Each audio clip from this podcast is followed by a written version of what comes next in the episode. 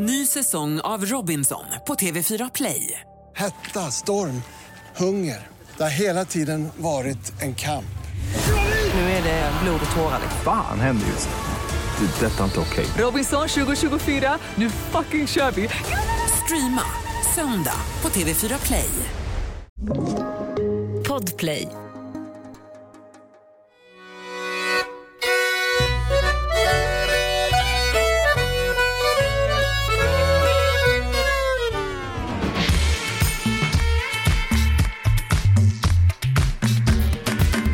Grått ute, men det är varmt och ljust här inne. Du lyssnar på Jag är svensk med mig Vivian Träskov. Med mig, Zana Fjäldini. Och Zanna, veckans svensk, det är faktiskt inte en främling för någon av oss. Hur känns det att ha henne i studion tycker du? Ja, men det känns fantastiskt. Jag tycker att hon är skärpt. eh, Hon inspirerar mig på många sätt. Hon driver en, en av mina favoritpoddar. Alltså, veckans svensk är verkligen en supersmart tjej som har många bollar i luften och ställer upp för andra och vet vad hon vill. Välkommen veckans svensk, Anita Clemens. Tack! Welcome! Det känns som så här nyanländskommittén. Ja, ja. Eller hur? Jag är det liksom vi lite-. Ja, det, är bra. det är det som är tanken, det är det, det vi försöker åstadkomma här. Du var kul att du vill göra det här med oss. Alltså, du är ju verkligen ett riktigt poddproffs. Anita, berätta om din biologiska bakgrund och vad du gör. Eh, Min biologiska bakgrund är att jag är adopterad från Indien eh, och just nu så är jag, eh, eller just nu, jag har jobbat i flera år som så här creative director och har liksom en kreativ konceptmakare just för digitala och sociala medier. Men nu börjar den här verksamheten liksom blomma ut lite mer så nu gör jag även reklamfilm och gör hela koncept. Eh, det är det jag inte är officiell med utan det är ju mitt inofficiella jobb och det officiella jobbet är ju att jag gör poddar och gör sociala mediesamarbeten. Och jag gillar att ha det på det sättet, att separera de två världarna för de närs inte utav varandra alltid. Är det det som man också att man kallar för influencer? Precis, och de som bara följer mig i sociala medier de tror nog att det är min enda inkomstkälla men det har alltid bara varit en hobby skulle jag säga. Sen ibland har det varit en välbetald hobby men, eh, men jag tycker att eh, det jag gör egentligen bakom kulisserna alltid är roligare. Ja, men det ser jag. Men det är en bra hobby. Du är bra på din hobby också. Ja men tack, jag blir. Och du är adopterad från Indien. Hur gammal var du när du kom till Sverige? Jag var faktiskt två och ett halvt år gammal så det var rätt gammalt på den tiden. Eh, De flesta som blev adopterade kom ju redan som sex månaders eller senast ett år. Men det hände en del grejer på vägen där så det var därför min adoption bromsades upp kan man säga. Okej. Eh, har du några minnen från Indien från den tiden? Är man för liten? Va? Jag halvt, tror har man är för liten. Jag har liksom så här, vad ska jag säga, jag var nere på plats, jag var nere på plats två gånger. Eh, och då, då märkte jag att jag hade rätt mycket doftminnen. Det var så här, Jaha, det är den där, okej det är det som jag liksom kände när jag var och gjorde Robinson, alltså jag jobbade i produktionen i eh, Malaysia. Jag fattade inte liksom vad den här doften påminde om för det var en doft som jag aldrig hade utsatts för. Och sen när jag kom ner på plats till Indien och det här sjukhuset som jag faktiskt bodde på eh, då fanns en cypress där och då luktade det exakt så. Nej, vad, vad Ja, men det är så ändå. fanta- men doft, alltså, Ja, ändå- doft är ja, jättestarkt. Ja. Eh, och sen så, sen så älskade jag en liksom, tredjedels kopp kaffe med mjölk och massa, massa, massa socker i. Det var jag helt besatt av. Chai eller? Ja. Det- Utanför det sjukhuset står ett chai-stånd som serverar eh, liksom, chai-te som smakar exakt som det kaffet som jag gillade. Så jag måste ju uppenbarligen druckit en del chai. Men vad häftigt ändå Ja. att minnet funkar så. Att det, Exakt. där, det finns där någonstans. Och sen var det något träd som jag upplevde som rätt stort, kommer jag ihåg från barndomen, som var rätt litet. Ja, men det, var liksom man, det var som att jag klev in i en minnesbild. Jag såg liksom ett eh, fönster som satt på rätt plats och alltihopa. Men det var bara som att jag hade förvandlats till Goliat i det här minnet på något sätt. Så att jag hade liksom vuxit upp ur Ur, det. ur det, Ja. ja. Eh, så det var några så här fragment. Men sen vet man ju inte heller, hjärnan är så bra på att skapa saker Ja, som man vill. Eller, ja, och så precis. och så jag vet jag inte, har jag sett något foto? Jag har ingen aning. Det kan vara liksom ett hopkok av allt möjligt. Anita, känner du dig svensk? Ja, men det gör jag. Fast jag, liksom, jag är lite i det här, vad ska jag kalla det för, mellanlandet som jag tror alla på ett sätt invandrare, nyanlända kan göra. Eh, Jag har ju fått liksom en snabb integrering in i svenska samhället i och med att jag fick ett par svenska föräldrar. Men ett utanförskap känner man ju alltid. Det är ganska roligt för att jag så här, jag har liksom blivit refuserad ett par jobb för jag har inte sett för tillräckligt liksom indisk ut. Eller, ja, och jag har också vad heter det, varit alldeles för indisk för att få andra typer av jobb. I sociala medier eh, blir jag ofta både rasifierad men också anklagad för att vara rasist. Så att, och jag tror många, liksom, jag ska ju säga andra generationens invandrarbarn eh, som kanske inte var, kom till Sverige som första generation men vuxit upp kan ändå känna den här distansen som är kvar i orten men ändå det här utanförskapet. Man kanske kan prata jättetydlig svenska men man kommer ändå inte in i samhället på något sätt. Det finns någon osynlig barriär som är på något sätt. Ja, men här i, helgen så hände en, en så här typisk grej som ofta händer och det händer liksom oftare än vad jag kanske vill erkänna för mig själv. Och jag blir så extremt provocerad av det. Jag ska gå ut genom porten med mina barn och framför oss går ett svenskt par, eh, kanske tio år äldre än vad jag är. Och jag märker inte att den här kvinnan håller upp dörren för mig för att vi går så tätt in på varandra så att jag tar liksom bara, jag håller, sätter själv handen mot dörren och så går jag och pratar med mina barn. Och då säger hon, i det här landet brukar man säga tack när någon öppnar dörren. Och då blir jag så här, Vad sa du då? nej, du vet, först blir jag så, jag blir Så så, ställd va? jag blir så ställd och jag så här, hörde jag rätt och sa här brukar vi säga tack när någon håller upp dörren. Och jag var så här, ja men gud förlåt, tack så jättemycket, har ni en fantastisk lördag. Så här. Eh, alltså fast ironiskt. Jo, jo men liksom. såklart. Man blir så här, Men det här händer ju mig rätt ofta och jag tänker på det behöver ju aldrig en svensk utsättas för för det finns något så otroligt kränkande i det. Alltså det är så otroligt otroligt kränkande på liksom en, ett plan som man tror jag inte som eh, liksom etnisk svensk kan relatera till. Och det är lite så sub subtilt också. Ja. Alltså det är inget så här, du säger inte rakt ut att du kommer inte från det här landet Nej. eller du är inte helt hemma här. Nej. Utan liksom det droppar lite sådär Precis, i du- förbifarten. Det är väl också lite, så här, lite i den svenska naturen, exakt som du Ja, säger. så, så generellt, så. alltså, Ja, även om, vi det skulle vara, generaliserar, ja, om det skulle vara om det inte handlade om att vara liksom, alltså just det här ämnet icke-svensk eller, så icke, eller svenskar är vi allihopa men som, som inte har det typiska svenska etniska utseendet då kan, har de ju ändå det, liksom en del av svensk jargong men det är ändå så svårt att det är nästan lättare om en människa skulle skrika rakt, eller skulle det vara det tror du? Ja men på ett sätt Ja, Mm. kan jag tycka så här, det, det är flera, flera gånger, i alla fall i min ungdom, nu har det inte hänt på väldigt länge, som, det händer ju mest online nu för tiden, men liksom, där folk skriver liksom, Ja, för det är så enkelt och det är så ja, extremt så här, rasistiska påhopp och de kan jag känna direkt, de rinner av en. Men Men det när det kommer det här subtila som man skapar en liten, liten distans. Jag är lite bättre än dig, du har kommit hit, du är en bidragstagare. Alltså allt det där som bara kommer med det här.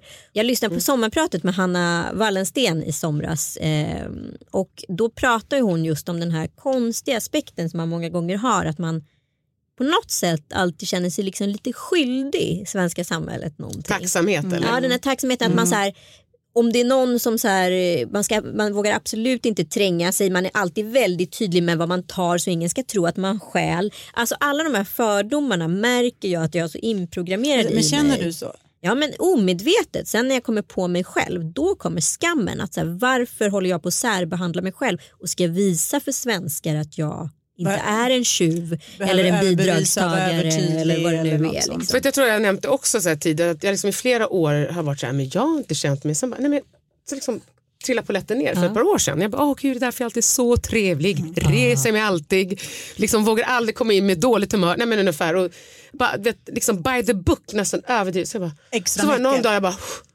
jag bara gud vilket så här, ok att bära. Att, så här, och är det för att jag är inte precis som du Ja, säger men man Anita. är jag programmerad. Ja, programmerad. så, Ja. Precis. Nej, jag, Mm. jag hör er. Jag, jag har inte känt så själv, men jag förstår verkligen vad ni pratar om. Jag hör er. Och, och, eh, nej, men, tungt måste kännas. Måste, Alltså- det låter för mig som ett väldigt tungt ok att bära. Nej, och det- väldigt, det är alltså- så, så ska det ju inte vara. Det är, någonstans, det är ju inte okej. Alltså, tycker jag, helt klart. Det, Snarare det, inte- men sen tror jag som allting, vissa är ol- alltså så här, just den grejen, alltså, eller som man är så van med det, så att man bara, det menar man reflekterar, bara, nej men det här är inte jag, alltså, jag är inte skyldig. Alltså, Nej men det ska jag, ju alltså, inte behövas. Nej. Alltså, jag känner också Ja. att det ska ju inte behövas. Alltså, jag vet inte, det, bara- det känns, det känns orättvist på något sätt. Men, Men jag, jag tror liksom inte, det är så mycket saker i samhället som inte är okej och som man liksom, det här är ju en minigrej men däremot så tror jag liksom ur ett integrationsperspektiv så tror jag att det är just de här finstilta nyanserna. Det är de som måste på något sätt förskjutas. Jag tar hellre någon som skriker n-ordet rakt Men i de ansiktet kommer inte till mig. förskjutas så, de är så det är ett ganska svenskt sätt att hantera saker på. Alltså Ja. det här att de vågar skriva när de sitter bakom en skärm då är en annan sak. För då vågar man mer för att man behöver inte stå för det i person. Du behöver inte se personen rakt i ansiktet och säga det. När man ses i person tror jag personligen att det är väldigt få som vågar det. Utan då är man lite sådär med subtil försiktig. Man säger någonting lite taskigt men man ler för att leendet det glossar över det man har sagt. Alltså det man, Jo men samtidigt på liksom- 90-talet, okej då var det ju för sig liksom en skinheads-era. Alltså många så liksom, nu är de ju förklädda i kostymer eller någonting annat då. Ja, eller bakom en skärm. Men bakom en skärm, precis. Och då tycker jag, då skrek de ju saker rakt ut. Ja. Så att någonstans är det ju, ja, Jag tänker på de här äldre Ja. damerna till Ja, exempel. ja, ja. Som hon tycker, alltså förstår jag, skinheads håller jag med. Jag tror skinheadsen, alltså nu finns det ju undantag generellt också tror jag också blivit lite mer förfinat. Det har blivit lite mer subtilt, det har blivit lite skarpare, smartare. De, de tar på sig kostymer kanske eller sitter bakom en skärm. Men jag tror just där kanske äldre kvinnor, andra människor, lite vanligt folk om man säger så. Eh, just de här kommentarerna att de kommer lite sådär med subtilt litet stick. Liksom, inte för mycket men, ja, men, men man har ändå markerat liksom. Ny säsong av Robinson på TV4 Play. Hetta, storm, hunger. Det har hela tiden varit en kamp. Nu är det blod och tårar. liksom. Fan händer just nu. Det. är Detta är inte okej. Robinson 2024, nu fucking kör vi! Streama söndag på TV4 Play. Ett poddtips från Podplay. I fallen jag aldrig glömmer djupdyker Hasse Aro i arbetet bakom några av Sveriges mest uppseendeväckande brottsutredningar. Går vi in med hemlig telefonavlyssning och, och då upplever vi att vi får en total förändring av hans beteende. Vad är det som händer nu? Vem är det som läcker? Och så säger han att jag är kriminell, jag har varit kriminell i hela mitt liv men att mörda ett barn, där går min gräns. Nya säsongen av Fallen jag aldrig glömmer på Podplay. Du har ju bara haft mer eller mindre ett liv i Sverige. Det lilla du har haft i Indien minns du ju knappt förutom de här underliggande minnena som kommer fram ibland. Och dina adoptivföräldrar de är alltså etniskt svenska. Har du träffat dina biologiska föräldrar? Nej, jag håller väl på och liksom jag har sökt eh, rötterna i olika omgångar. Så, så här, första vändan jag var i Indien efter jag ankom till Sverige. Jag, eh, jag skulle adopteras när jag var ett år gammal. Men sen så eh, blev det så att det påstods att eh, det fanns ett indiskt brittiskt par som gjorde anspråk på mig. Så helt plötsligt så inledde, eh, inleddes en rättegång om vem som skulle få mig. Eh, och eh, den här rättegången tog ett och ett halvt år så mina föräldrar skulle kommit ner och hämtat mig när jag var ett år gammal. Men, men i slutändan så var det väl att det här målet vanns då utav Svenska Adoptionscenter indirekt genom det här sjukhuset som jag bodde på och växte upp på. Eh, mina första levnadsår. Och de vann någon form av delmål, alltså typ som att man vinner i tingsrätten. Och när, det betyder ju att andra parten har ju möjligheten att överklaga. Men i den slotten, innan den överklagan kom in, liksom fraktades jag ju mer eller mindre ut ur landet. Så jag sövdes, alltså med hjälp av sömnmedel. Och sen så vaknade jag på Arlanda. Och liksom, det var första gången jag träffade mina föräldrar. Eh, Surrealistiskt. vilket var en absolut chock. Så Anita, får jag bara komma, förlåt att jag vill bara komma emellan. Alltså, hur, alltså söva, är det någonting du har fått reda på liksom nu i vuxen ålder? Jag fick reda någonting- på det redan när jag var liten. Ah. Men då liksom Reflekterar du inte? Nej, så men plus att man också haft så här västvärldsperspektivet om adoptioner. Att det är det goda, det är fattiga människor, de har lämnat bort sina barn frivilligt och allt det här har hänt. Bla bla bla. Och jag har trott på den liksom, historien rätt länge. Så första gången jag var i Indien och gjorde någon efterforskning på det här då reflekterade jag inte ens över att det var en rätt konstig grej att göra. För att jag tyckte det kändes så jag hade ändå vuxit upp på ett sjukhus, jag hade haft en egen amma, jag hade aldrig bott på ett barnhem.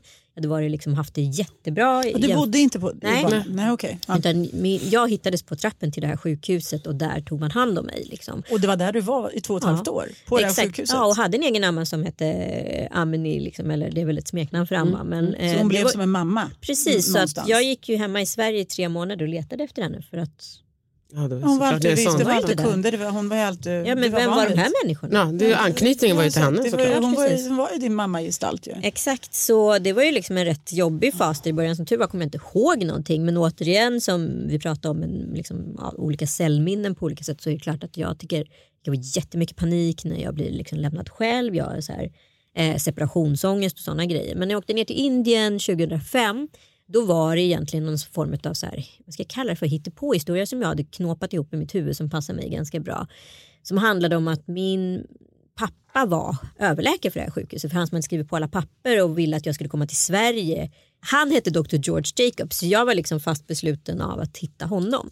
Eh, Men sen när jag kom ner till Indien, för att jag var väldigt ljus för att vara från Kerala och Kerala ligger på sydspetsen av Indien, det vill säga jättenära Sri Lanka och där är man mycket mörkare i hyn.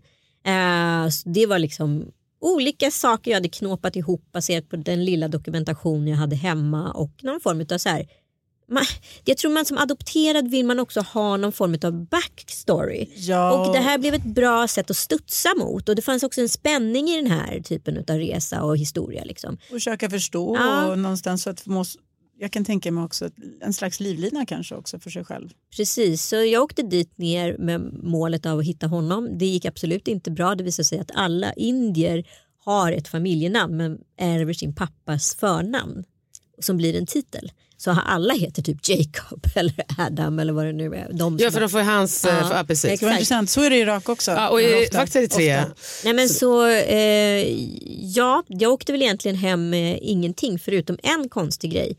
Bredvid eh, själva eh, sjukhuset låg ett kloster och där fanns det massa nunnor och jag hade ju varit den enda bebisen på det här sjukhuset.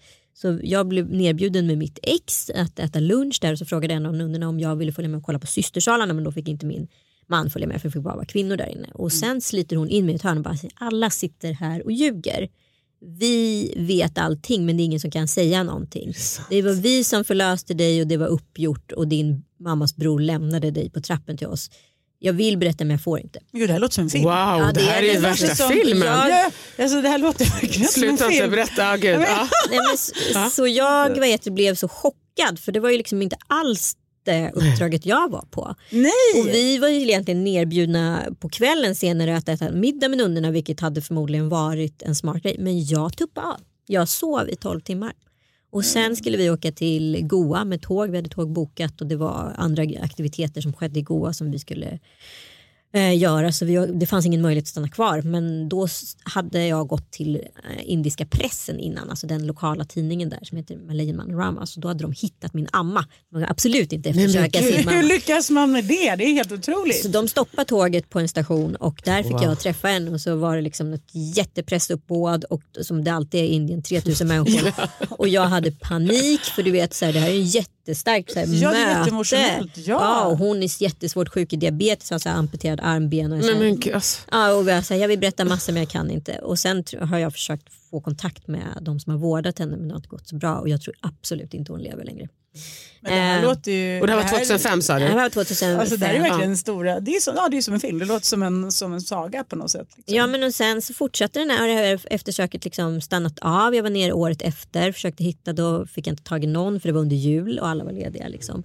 Eh, och sen så hade jag kontakt med sjukhuset och nunnorna under ett par år men det rann ut i sanden och liksom, ja, man växer upp, man får andra, liksom, det, livet pågår ju här Så också. barn, familjen Ja, jobb. exakt. Ja. Nej, men och sen så har det blivit, liksom, Indien har också öppnat upp för det var ju helt stängt för alla som eftersökte adoption fram till 2015. När jag gick till pressen första gången då kallades jag för syndens dotter och även i första tidningsartikeln som är skriven om mig från 1980 kallas jag också syndens dotter. Alltid så dramatiskt. Ja, men nu har, de, dramatiskt. nu har de tagit bort skammen för adopterade och öppnat upp arkiven så alla adopterade har möjlighet att söka sina rötter. Eh, och jag gick med i en släktforskningspool förra året och fick träff.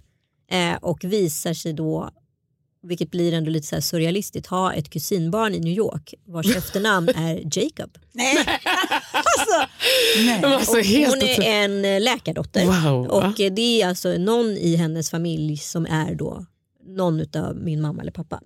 Och jag har även fått kontakt med en eh, annan släkting i Los Angeles som heter Reina och hennes föräldrar bor på plats nere i Kerala. Så de har hjälpt mig jättemycket, Nej, men besökt gud, vad nunneklostret och så vidare. Och träffade en av nunnorna som jag faktiskt fick kontakt med som förnekade vår kontakt. Och jag blev så perplex utav det här. Vi hade ju också mejlkontakt flera år efteråt. Sen har min efterforskning fortsatt och jag är i den här processen. Och det visar sig vara så att nunnor, läkare och advokater är de som har varit mest involverade i trafficking utav barn. Så nunnorna har haft daghem för eh, ensamstående gravida mödrar, hjälpt till med förlossningar och alltihopa. Tagit barnen och skickat in. Religionen, lagen och ja. Ja, så ja. den här andra liksom, adoptivfam- eller den andra familjen som då har kanske gjort anspråk på mig kan eventuellt vara släktingar till min mamma som försökt få mig lagliga vägen. Okej, det här är typ nästan så här för mycket för att ta in. känner jag. Eh, Så det är en Herregud, rätt det- stor historia. Eller, så här, jag vill, eller är det inte för mycket att ta in, jag vill bara inte att det ska sluta. Alltså det är så, Ja, vilken... men både och. Men för jag. dig måste... Okej, och när sa du? Då fick du, de i New York var... Alltså det är liksom min kusinbarn som ja. är också är så nära, liksom. sinnessjukt lik min egen dotter så att det är liksom skrämmande. Alltså, Men vilket jäkla detektivarbete du har gjort. Det är Ja, otroligt det ju har att du ändå har tagit- lyckats. Jag menar att du inte har gett upp, att du har lyckats få fram de här människorna, att du har lyckats få dem att prata med dig. Att du liksom har, det är ju fantastiskt. Ja men jag är så här glad på ett sätt sen så är det ju liksom smärtsamt på ett annat för det liksom kommer ju mycket i den här historien som så här, man Inte har gått måste, rätt till. Nej men inte gått rätt till man måste bearbeta plus att liksom DNs hela gräv kom förra året då liksom tvättades det här västvärldsperspektivet bort från mig och jag började tänka så här men fan får man göra så här mot ett barn? Kan man verkligen söva det och plocka hem det till ett land som det aldrig har varit i? Och sen snabbintegrera och sen är det liksom som att jag ska ta ansvar för rasismen som ans, liksom sätter mig eller orättvisor etc. Liksom. Frågar folk dig ofta var du kommer ifrån? Eh, ja, och det här är ju en, faktiskt en rätt rolig fråga för den här kan ju bli väldigt sned. Det blir den rätt ofta. Blir du det? Ja, jag är så tvärtom. Ja, det nej, men Svara, jag, vad svarar du? nej men jag har suttit, det här blir ju liksom eh, 10 000 kronors frågan varje gång för, så här, för det kan ju vara vad kommer du ifrån för stad? Vad kommer du ifrån för land? Eller vad, vad jobbade du med senast? Men menar, vad kommer du ifrån för stad? Menar de stad i Sverige eller liksom stad i ett annat land? Eller det kan också Nej men, det, olika. nej, men det, alltså, du vet, så här, jag har ju fått den där ett par gånger och bara så här, ja, men var, var är det du kommer ifrån? nej men jag, jag är ju adopterad från Indien men jag är ju uppväxt i eh, Göteborg och på västkusten och sen så sväng i Örebro också. Nej, jag, jag tänkte mest yrkesmässigt. Du tar för givet att Nej, det är men en syftar absolut, jag, jag drar min bio först och sen tar vi mitt CV. Eller hur vill ni lägga upp det? Eller, det blir inga mer följdfrågor på den, eller hur? Det blir tyst. Men va? när någon Okej. ställer den frågan så kopplar du det till ditt ursprung. Nej, men jag blir alltid så här, nu har jag ju lärt mig. Eh, för, att, för jag tror att det, tidigare så reagerade på det sättet för att det var oftast då man frågade. Ja. Eh, men nu har jag ju förstått att idag är inte det relevant längre. Just tror jag också på grund av att invandringen ser ut som den gör att vi är mer blandade i samhället. Så här, folk kommer, alltså, vadå, kolla inom tech hur jäkla integrerat det är. Liksom. Fast jag får, alltså, jag, vet, jag får frågan ofta ändå. Inte, kanske lika, ändå, inte lika ofta som du Sanna, kanske, men jag får frågan ganska ofta. Och jag relaterar den alltid till det du gjorde från början till var jag faktiskt kommer från rent etniskt. Jag tänker alltid på att de syftar på och vill veta vilket land jag har som ursprung. Nej men det är mest så här, om jag ska vara riktigt ärlig, idag är det typ mest så här, eh, invandrande taxichaufförer som frågar. Eh, och inte speciellt många svenskar för jag tror de har blivit så jävla et- etniska svenskar. för De har blivit så jävla rädda att ställa fel. Och då börjar jag så här, menar du ursprung eller jobb eller? Försöker hjälpa dem på vägen. Att det är en Men det, fråga. fakt- det var faktiskt rätt. Alla alltså, taxi de frågar alltid. Men alla, grejen är att jag, får, men jag tycker att det är jag vet att jag är lite wack kanske men jag tycker typ att det är så kul. För det är så många, ja, men jag tycker det är kul att folk Ja. frågar mig. Ja. För det är så många det. Det är det människor. folk gör i USA. Ja, är för jag bara, annars skulle inte jag hamna i de här diskussionerna. Nej. för jag bara, Ja. Den här tysta, blyga, timida svensken skulle säkert inte våga. Vill men vågar inte. Nej, vågar inte. Men var kommer du ifrån? Alla undrar. Hur känns det att få frågan då? Tycker Nej, men jag, tycker, alltså, jag älskar ju gagget. Jag, tycker, jag brinner ju för gagget. Så Det roligaste jag åkte med taxichaufför från Ghana. Han bara Where do you come from? From India, where are you from? Ghana. So what do you think about Black Lives Matter? Jag bara, uh, I don't know, it's a US thing but of course I feel it's awful and everything. But what do you feel about Sweden doing this? I don't know, what do you think? I think it's sick, you have no racism. Men underbart! Det är så härligt. Alltså, det, Men jag det, vet du det är lite så här, det var som vi pratade om förut. Jag tror eh, vissa har så mycket annat att jämföra med Ja. av vad de har varit, vad de har sett eller det landet de kommer ifrån, och mellan stammar, mellan byar, mellan söd, mellan norr. Det är så mycket, så jag tror det är så här, äh. Sen får du frågan ofta var du kommer ifrån. Ja, jag får den ofta. Alltså, jag tycker jag får, det är så sjukt. Alltså, det får jag överallt. Plus också, främst också, nej, även i USA så får jag det. Jag behöver inte ens öppna käften. Eller öppna munnen. eh, eh, även, och även jag, åkte, jag har aldrig hört utlänning så många gånger som när jag åkte till Eritrea första gången. Det är så här, för jag var ju så här, första gången till dit, jag bara gud alla ser ut som mig, det ska bli så spännande. Exakt samma Ja, Jag är som alla andra. Ja, ja, ja, Jag liksom. passar in. ja, och de, som allting, alltså, precis som jag sa med Svart USA, eller jag åker till Eritrea, då, det är liksom, jag kom ju ursprungligen från Eritrea, eller jag har rötter därifrån och tänkte och, ja, men att vi ser lika, liksom, rent fysiskt likadana ut, mer eller mindre. Och sen så kom jag, och de förstod ju direkt att jag inte var därifrån. Och det är väl det, liksom. man får ju se hur du pratar, hur du rör dig. Det, Ja, nej, Så mycket men annat det- som avslöjar ja, ja. lite det som man kan se svenskar utomlands och man bara, Direkt. Exakt. Swady. Vårdskorna, shortsen, piket, Ja. svensk. Och även om, inte, även om de skulle annan stil, det är någonting på gång stil hur du rör dig. Liksom, det är det. Ja. Otroligt. Nej, men, och jag var ju med om samma i Indien när jag var nere. Så här, jag hade en blond, lång svensk pojkvän. Tänkte så här, wow vad coolt, man till ett land, alla ser ut som mig och han sticker ut. och det var Du, precis... du smuddar. Nej men du vet jag var ju som, att, jag var ju som ett alien. Du vet, jag hade alltid en hord på så här 15 personer runt omkring mig och folk sprang fram och liksom ryckte mig i håret för jag hade fön. Ja, men du vet, liksom. Exotiskt. Ja men du vet de var så här, jag gick inte som dem, jag hade inte samma kläder som dem, jag hade inte samma kroppsspråk som dem. Alltså, Spelar ingen roll om man är där Nej. eller här, man är exotisk var man än är Ja precis, att anledningar. det var liksom. det som Ja. var så intressant för att den absoluta kulturella krocken kom egentligen i Indien. Där insåg jag att jag är mycket mer svensk än vad jag tror. Samtidigt här så är jag utanför på ett sätt för att jag sticker ut. När jag var liten och fick frågan om jag var svensk, då avskydde jag för frågan.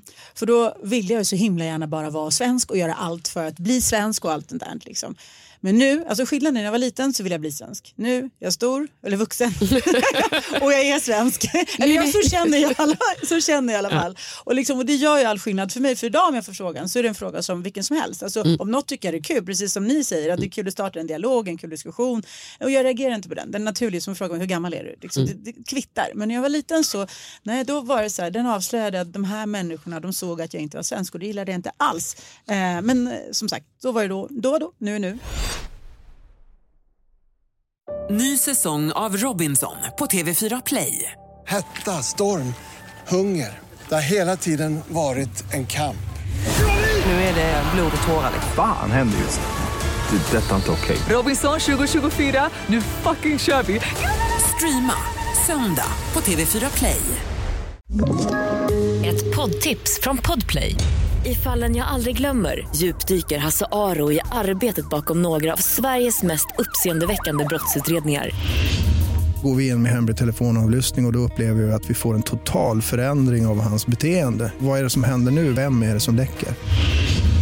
Och så säger han att jag är kriminell, jag har varit kriminell i hela mitt liv men att mörda ett barn, där går min gräns. Nya säsongen av Fallen jag aldrig glömmer på Podplay. Men när du var liten Anita, kände du det annorlunda när det gäller din svenskhet mot vad du gör när du är vuxen? Alltså jag eh, växte upp i, när jag kom till eh, Sverige när jag var två och ett halvt, då bodde vi i en liten håla utanför Örebro som heter Garphyttan. Och där var det jag och en annan tjej som var de enda mörkhyade på hela orten. Ni stack ut kan man säga. Vi stack ut. Men sen så helt plötsligt så kom det då lite arbetskraftsinvandring och bodde då liksom i ja, några liksom sämre radhusområden. Och då vet jag att det var så spännande som att du åkte en liten detour bara för att kunna kolla in och se hur de hade det. som, en, som en sevärdhet. Nej, men som att man åkte på zoo. Ja, men det är helt sjukt. Det är helt sjukt. Eh, Var du så- en av dem som åkte dit och tittade också? Nej men alltså, alla åkte förbi. Nej men så att säga, Nej, förlåt, jag skrattar, Men- Men- men jag fattar, det är så bisarrt som man skrattar. Men precis. den situationen flyttade ju in mig i en position i samhället. För då helt plötsligt var jag ju svensk. Ja. När det kom några som utifrån. Och du är ju svensk, vi är alla svenskar.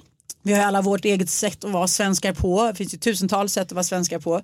Men händer det dig nu, i vuxen, i- nu när du är vuxen att du känner dig osvensk i din svenskhet? Händer det liksom ofta att du, att du känner att du avviker från det klassiskt svenska i någon form? Att du sticker ut, att du är annorlunda? Förstår du vad jag menar? Jag, menar, alltså, jag bor ju på blåaste Östermalm och liksom har i- barn i en skola som så här, de som är mörkhyade är oftast diplomatbarn eller något annat. Det blir ju liksom, det är klart att man sticker ut. Men så jag vet ju inte liksom, vart sticker man ut och vart sticker man inte ut. Men, jag är du medveten om det? Tänker du på det? Förstår Jag du? tänker mer att det är jag som så reflekterar över än vad faktiskt jag tänker att någon annan gör det. Mm. Sen så kanske det är någonting som de pratar om när inte jag hör. Men jag upplever mig ytterst sällan rasifierad. Även om det då och då dyker upp de här små i Sverige gör man på det här sättet. Ja, små glidningarna, Ja, de här pikarna. små liksom, eh, pikarna som är så spännande. Men, nej, men alltså, Mm. I mitt eget kvarter kan jag inte påstå att jag känner mig så här rasifierad. Men sen åkte vi Mm. från Falsterbo förra året och så bara så här, åh kolla en mysig kaffestuga! Och så var det liksom en pil på väg in. Och helt plötsligt inser vi att vi är i Sjöbo och är på ett café där det alla går runt i folkdräkter. Och jag kommer in där, alltså jag kände mig förlåt, som sambo i en-ordet byn. Men då blir det ju så parodiskt så då skrattar man ju åt det andra hållet. Det är ju liksom så, det är så sinnessjukt att de är så sinnessjukt vita där så de älskar liksom hela svenskheten de springer runt i folkdräkter. Jag måste faktiskt säga, jag känner i och för sig att jag sticker ut ganska ofta. Som, alltså mer så som person och mitt sätt och mitt beteende känner jag jag känner att jag sticker ut ganska ofta. Men å andra sidan, då tänker jag så här, det här är en del av, det är en del av min svenskhet. Jag, jag känner mig liksom svensk men också medveten om att jag är inte så här klass, den klassiska versionen av det. Men så tänker jag så här, men vad innebär det ens att vara klassisk svensk nu för tiden? Jag menar, allting utvecklas ju, allting går ju framåt. Jag vet inte ens vad det, knappt vad det är längre. Alltså, men om vi tänker på vad vi är idag och bara för 50 år sedan såg ju den klassiska svenskheten garanterat helt annorlunda ut. Och jag tänker att vi har kommit långt i utvecklingen och det ska, man ju- det ska ju utvecklas. Är det vi som bor i storstäderna som tycker det? Eller? Ja, du, jag tror, jag tror Mm. personligen tror jag att den utvecklingen går snabbare framåt helt klart tror jag. Eh, för att jag tror också att man är mer öppen Mm. i storstäder kanske än vad man är i mindre städer. Och vi bor ju alla tre i en storstad så att ju- jag ser ju inte vad som händer i de mindre städerna. Jag refererar nu framförallt Mm. till storstäderna. S- Eh, Sen kan jag vara liksom, sen tycker jag på riktigt att integrationen som har skett liksom, eh, de senaste åren. Sen måste man vara ödmjuk också och förstå att eh, saker och ting tar längre tid än vad, man, vad det tar. Den diskussionen ser jag alldeles för lite utav. Jag ser rätt mycket ilska men jag ser inte liksom, eh, den andra delen för att så här, det har funnits på riktigt, det låter ju jätte ja, konstigt att säga det, men det har ju funnits invandrare i Sverige på riktigt de senaste 50 åren ungefär. Alltså från andra kulturer. Jag håller helt med dig. Eh, och vi har liksom en otrolig krav på att det ska vara perfekt från början och så är det inte. Kolla på USA som fortfarande är ett extremt alltså, ointegrerat land med tanke på att de har ändå flera hundra år i nacken Eh, med eh, de här frågorna så de borde kommit längre. Där kan man ju känna att det har verkligen gått fel. Däremot så, så här, jag, jag, har ju själv vuxit upp del, delvis i Örebro liksom, eh, och då när jag kom hem till Örebro då ser jag liksom att stan har blivit så här diverse i mitten utav på två sidor av ett torg. Så ena delen av Örebro city det är egentligen bara invandrar liksom, stadsdel. Mm. Under tiden eget samhälle. Ja, ett helt eget samhälle och under tiden andra har blivit liksom supersvenskt. Och när jag växte upp i Örebro så upplevde jag att det var liksom mycket mera mix och mycket mer integrerat.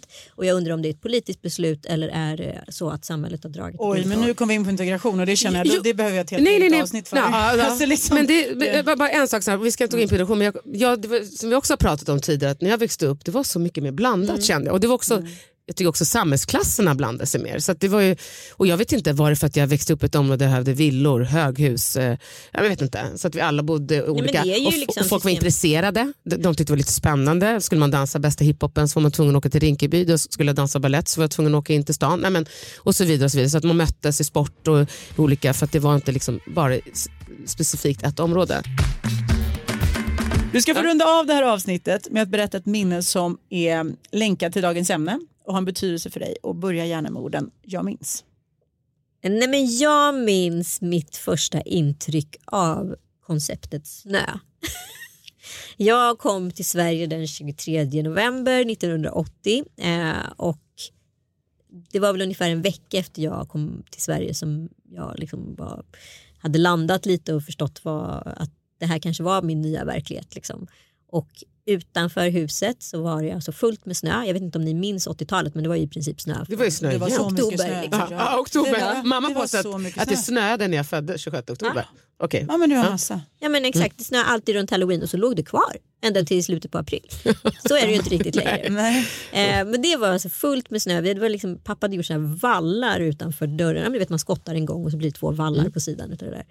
Och jag hade på mig ett par skor. Jag hade aldrig burit ett par skor sån överhuvudtaget. ja. Och sätta på mig en overall och bara stod och tittade på det här och var så här, vad är det här? Liksom? Det var faktiskt en helt eh, overklig upplevelse. Det var som att hamna på Mars. Och den, den, och den minnesbilden är så tydlig fortfarande. Och då var jag ändå två och ett halvt. Det Och kan du känna ibland när, snön, alltså när det är så här jättemycket snö att du kan få den här, att du Ja, när minns jag, där? ja, när jag ser ja. så här barn, vi uppe i Mm. Åre, Ja. då bara så här kände jag så här, gud vad jag älskar det här på något Ja. konstigt sätt. Och det är så långt ifrån min egen kultur. Ja. Så det måste ju bara vara såklart. Ja, liksom, nu är det enorma kontraster. ja, den otroliga överväldigande liksom, känslan med snö. Liksom. Tack underbara Anita för att eh, du delar med dig av dig själv och är här och pratar med oss idag. Men tack ni underbara människor för att jag fick komma. Ja, men det är our pleasure. Ja, verkligen. Our pleasure. 100% Alltså, our pleasure. tack Anita, verkligen. Tack Ja, underbara du. tack. Sanna, love you, Ja. thank you, spasiba och vår fantastiska producent Oliver Bergman. Tack snälla till dig också. Glöm inte mejla oss på jagarsvensk.gmail.com. Jagarsvensk.gmail.com. Mejla vad ni tycker, tycker ni bra, tycker ni dåligt, inspirera oss, fråga oss, kom gärna med intressanta förslag och idéer. Vi blir superglada om ni, om ni mejlar oss helt enkelt. Ta hand om er, tack för att ni lyssnade. Puss och kram, ciao! Ciao, hej då. Daniel Sjöfis.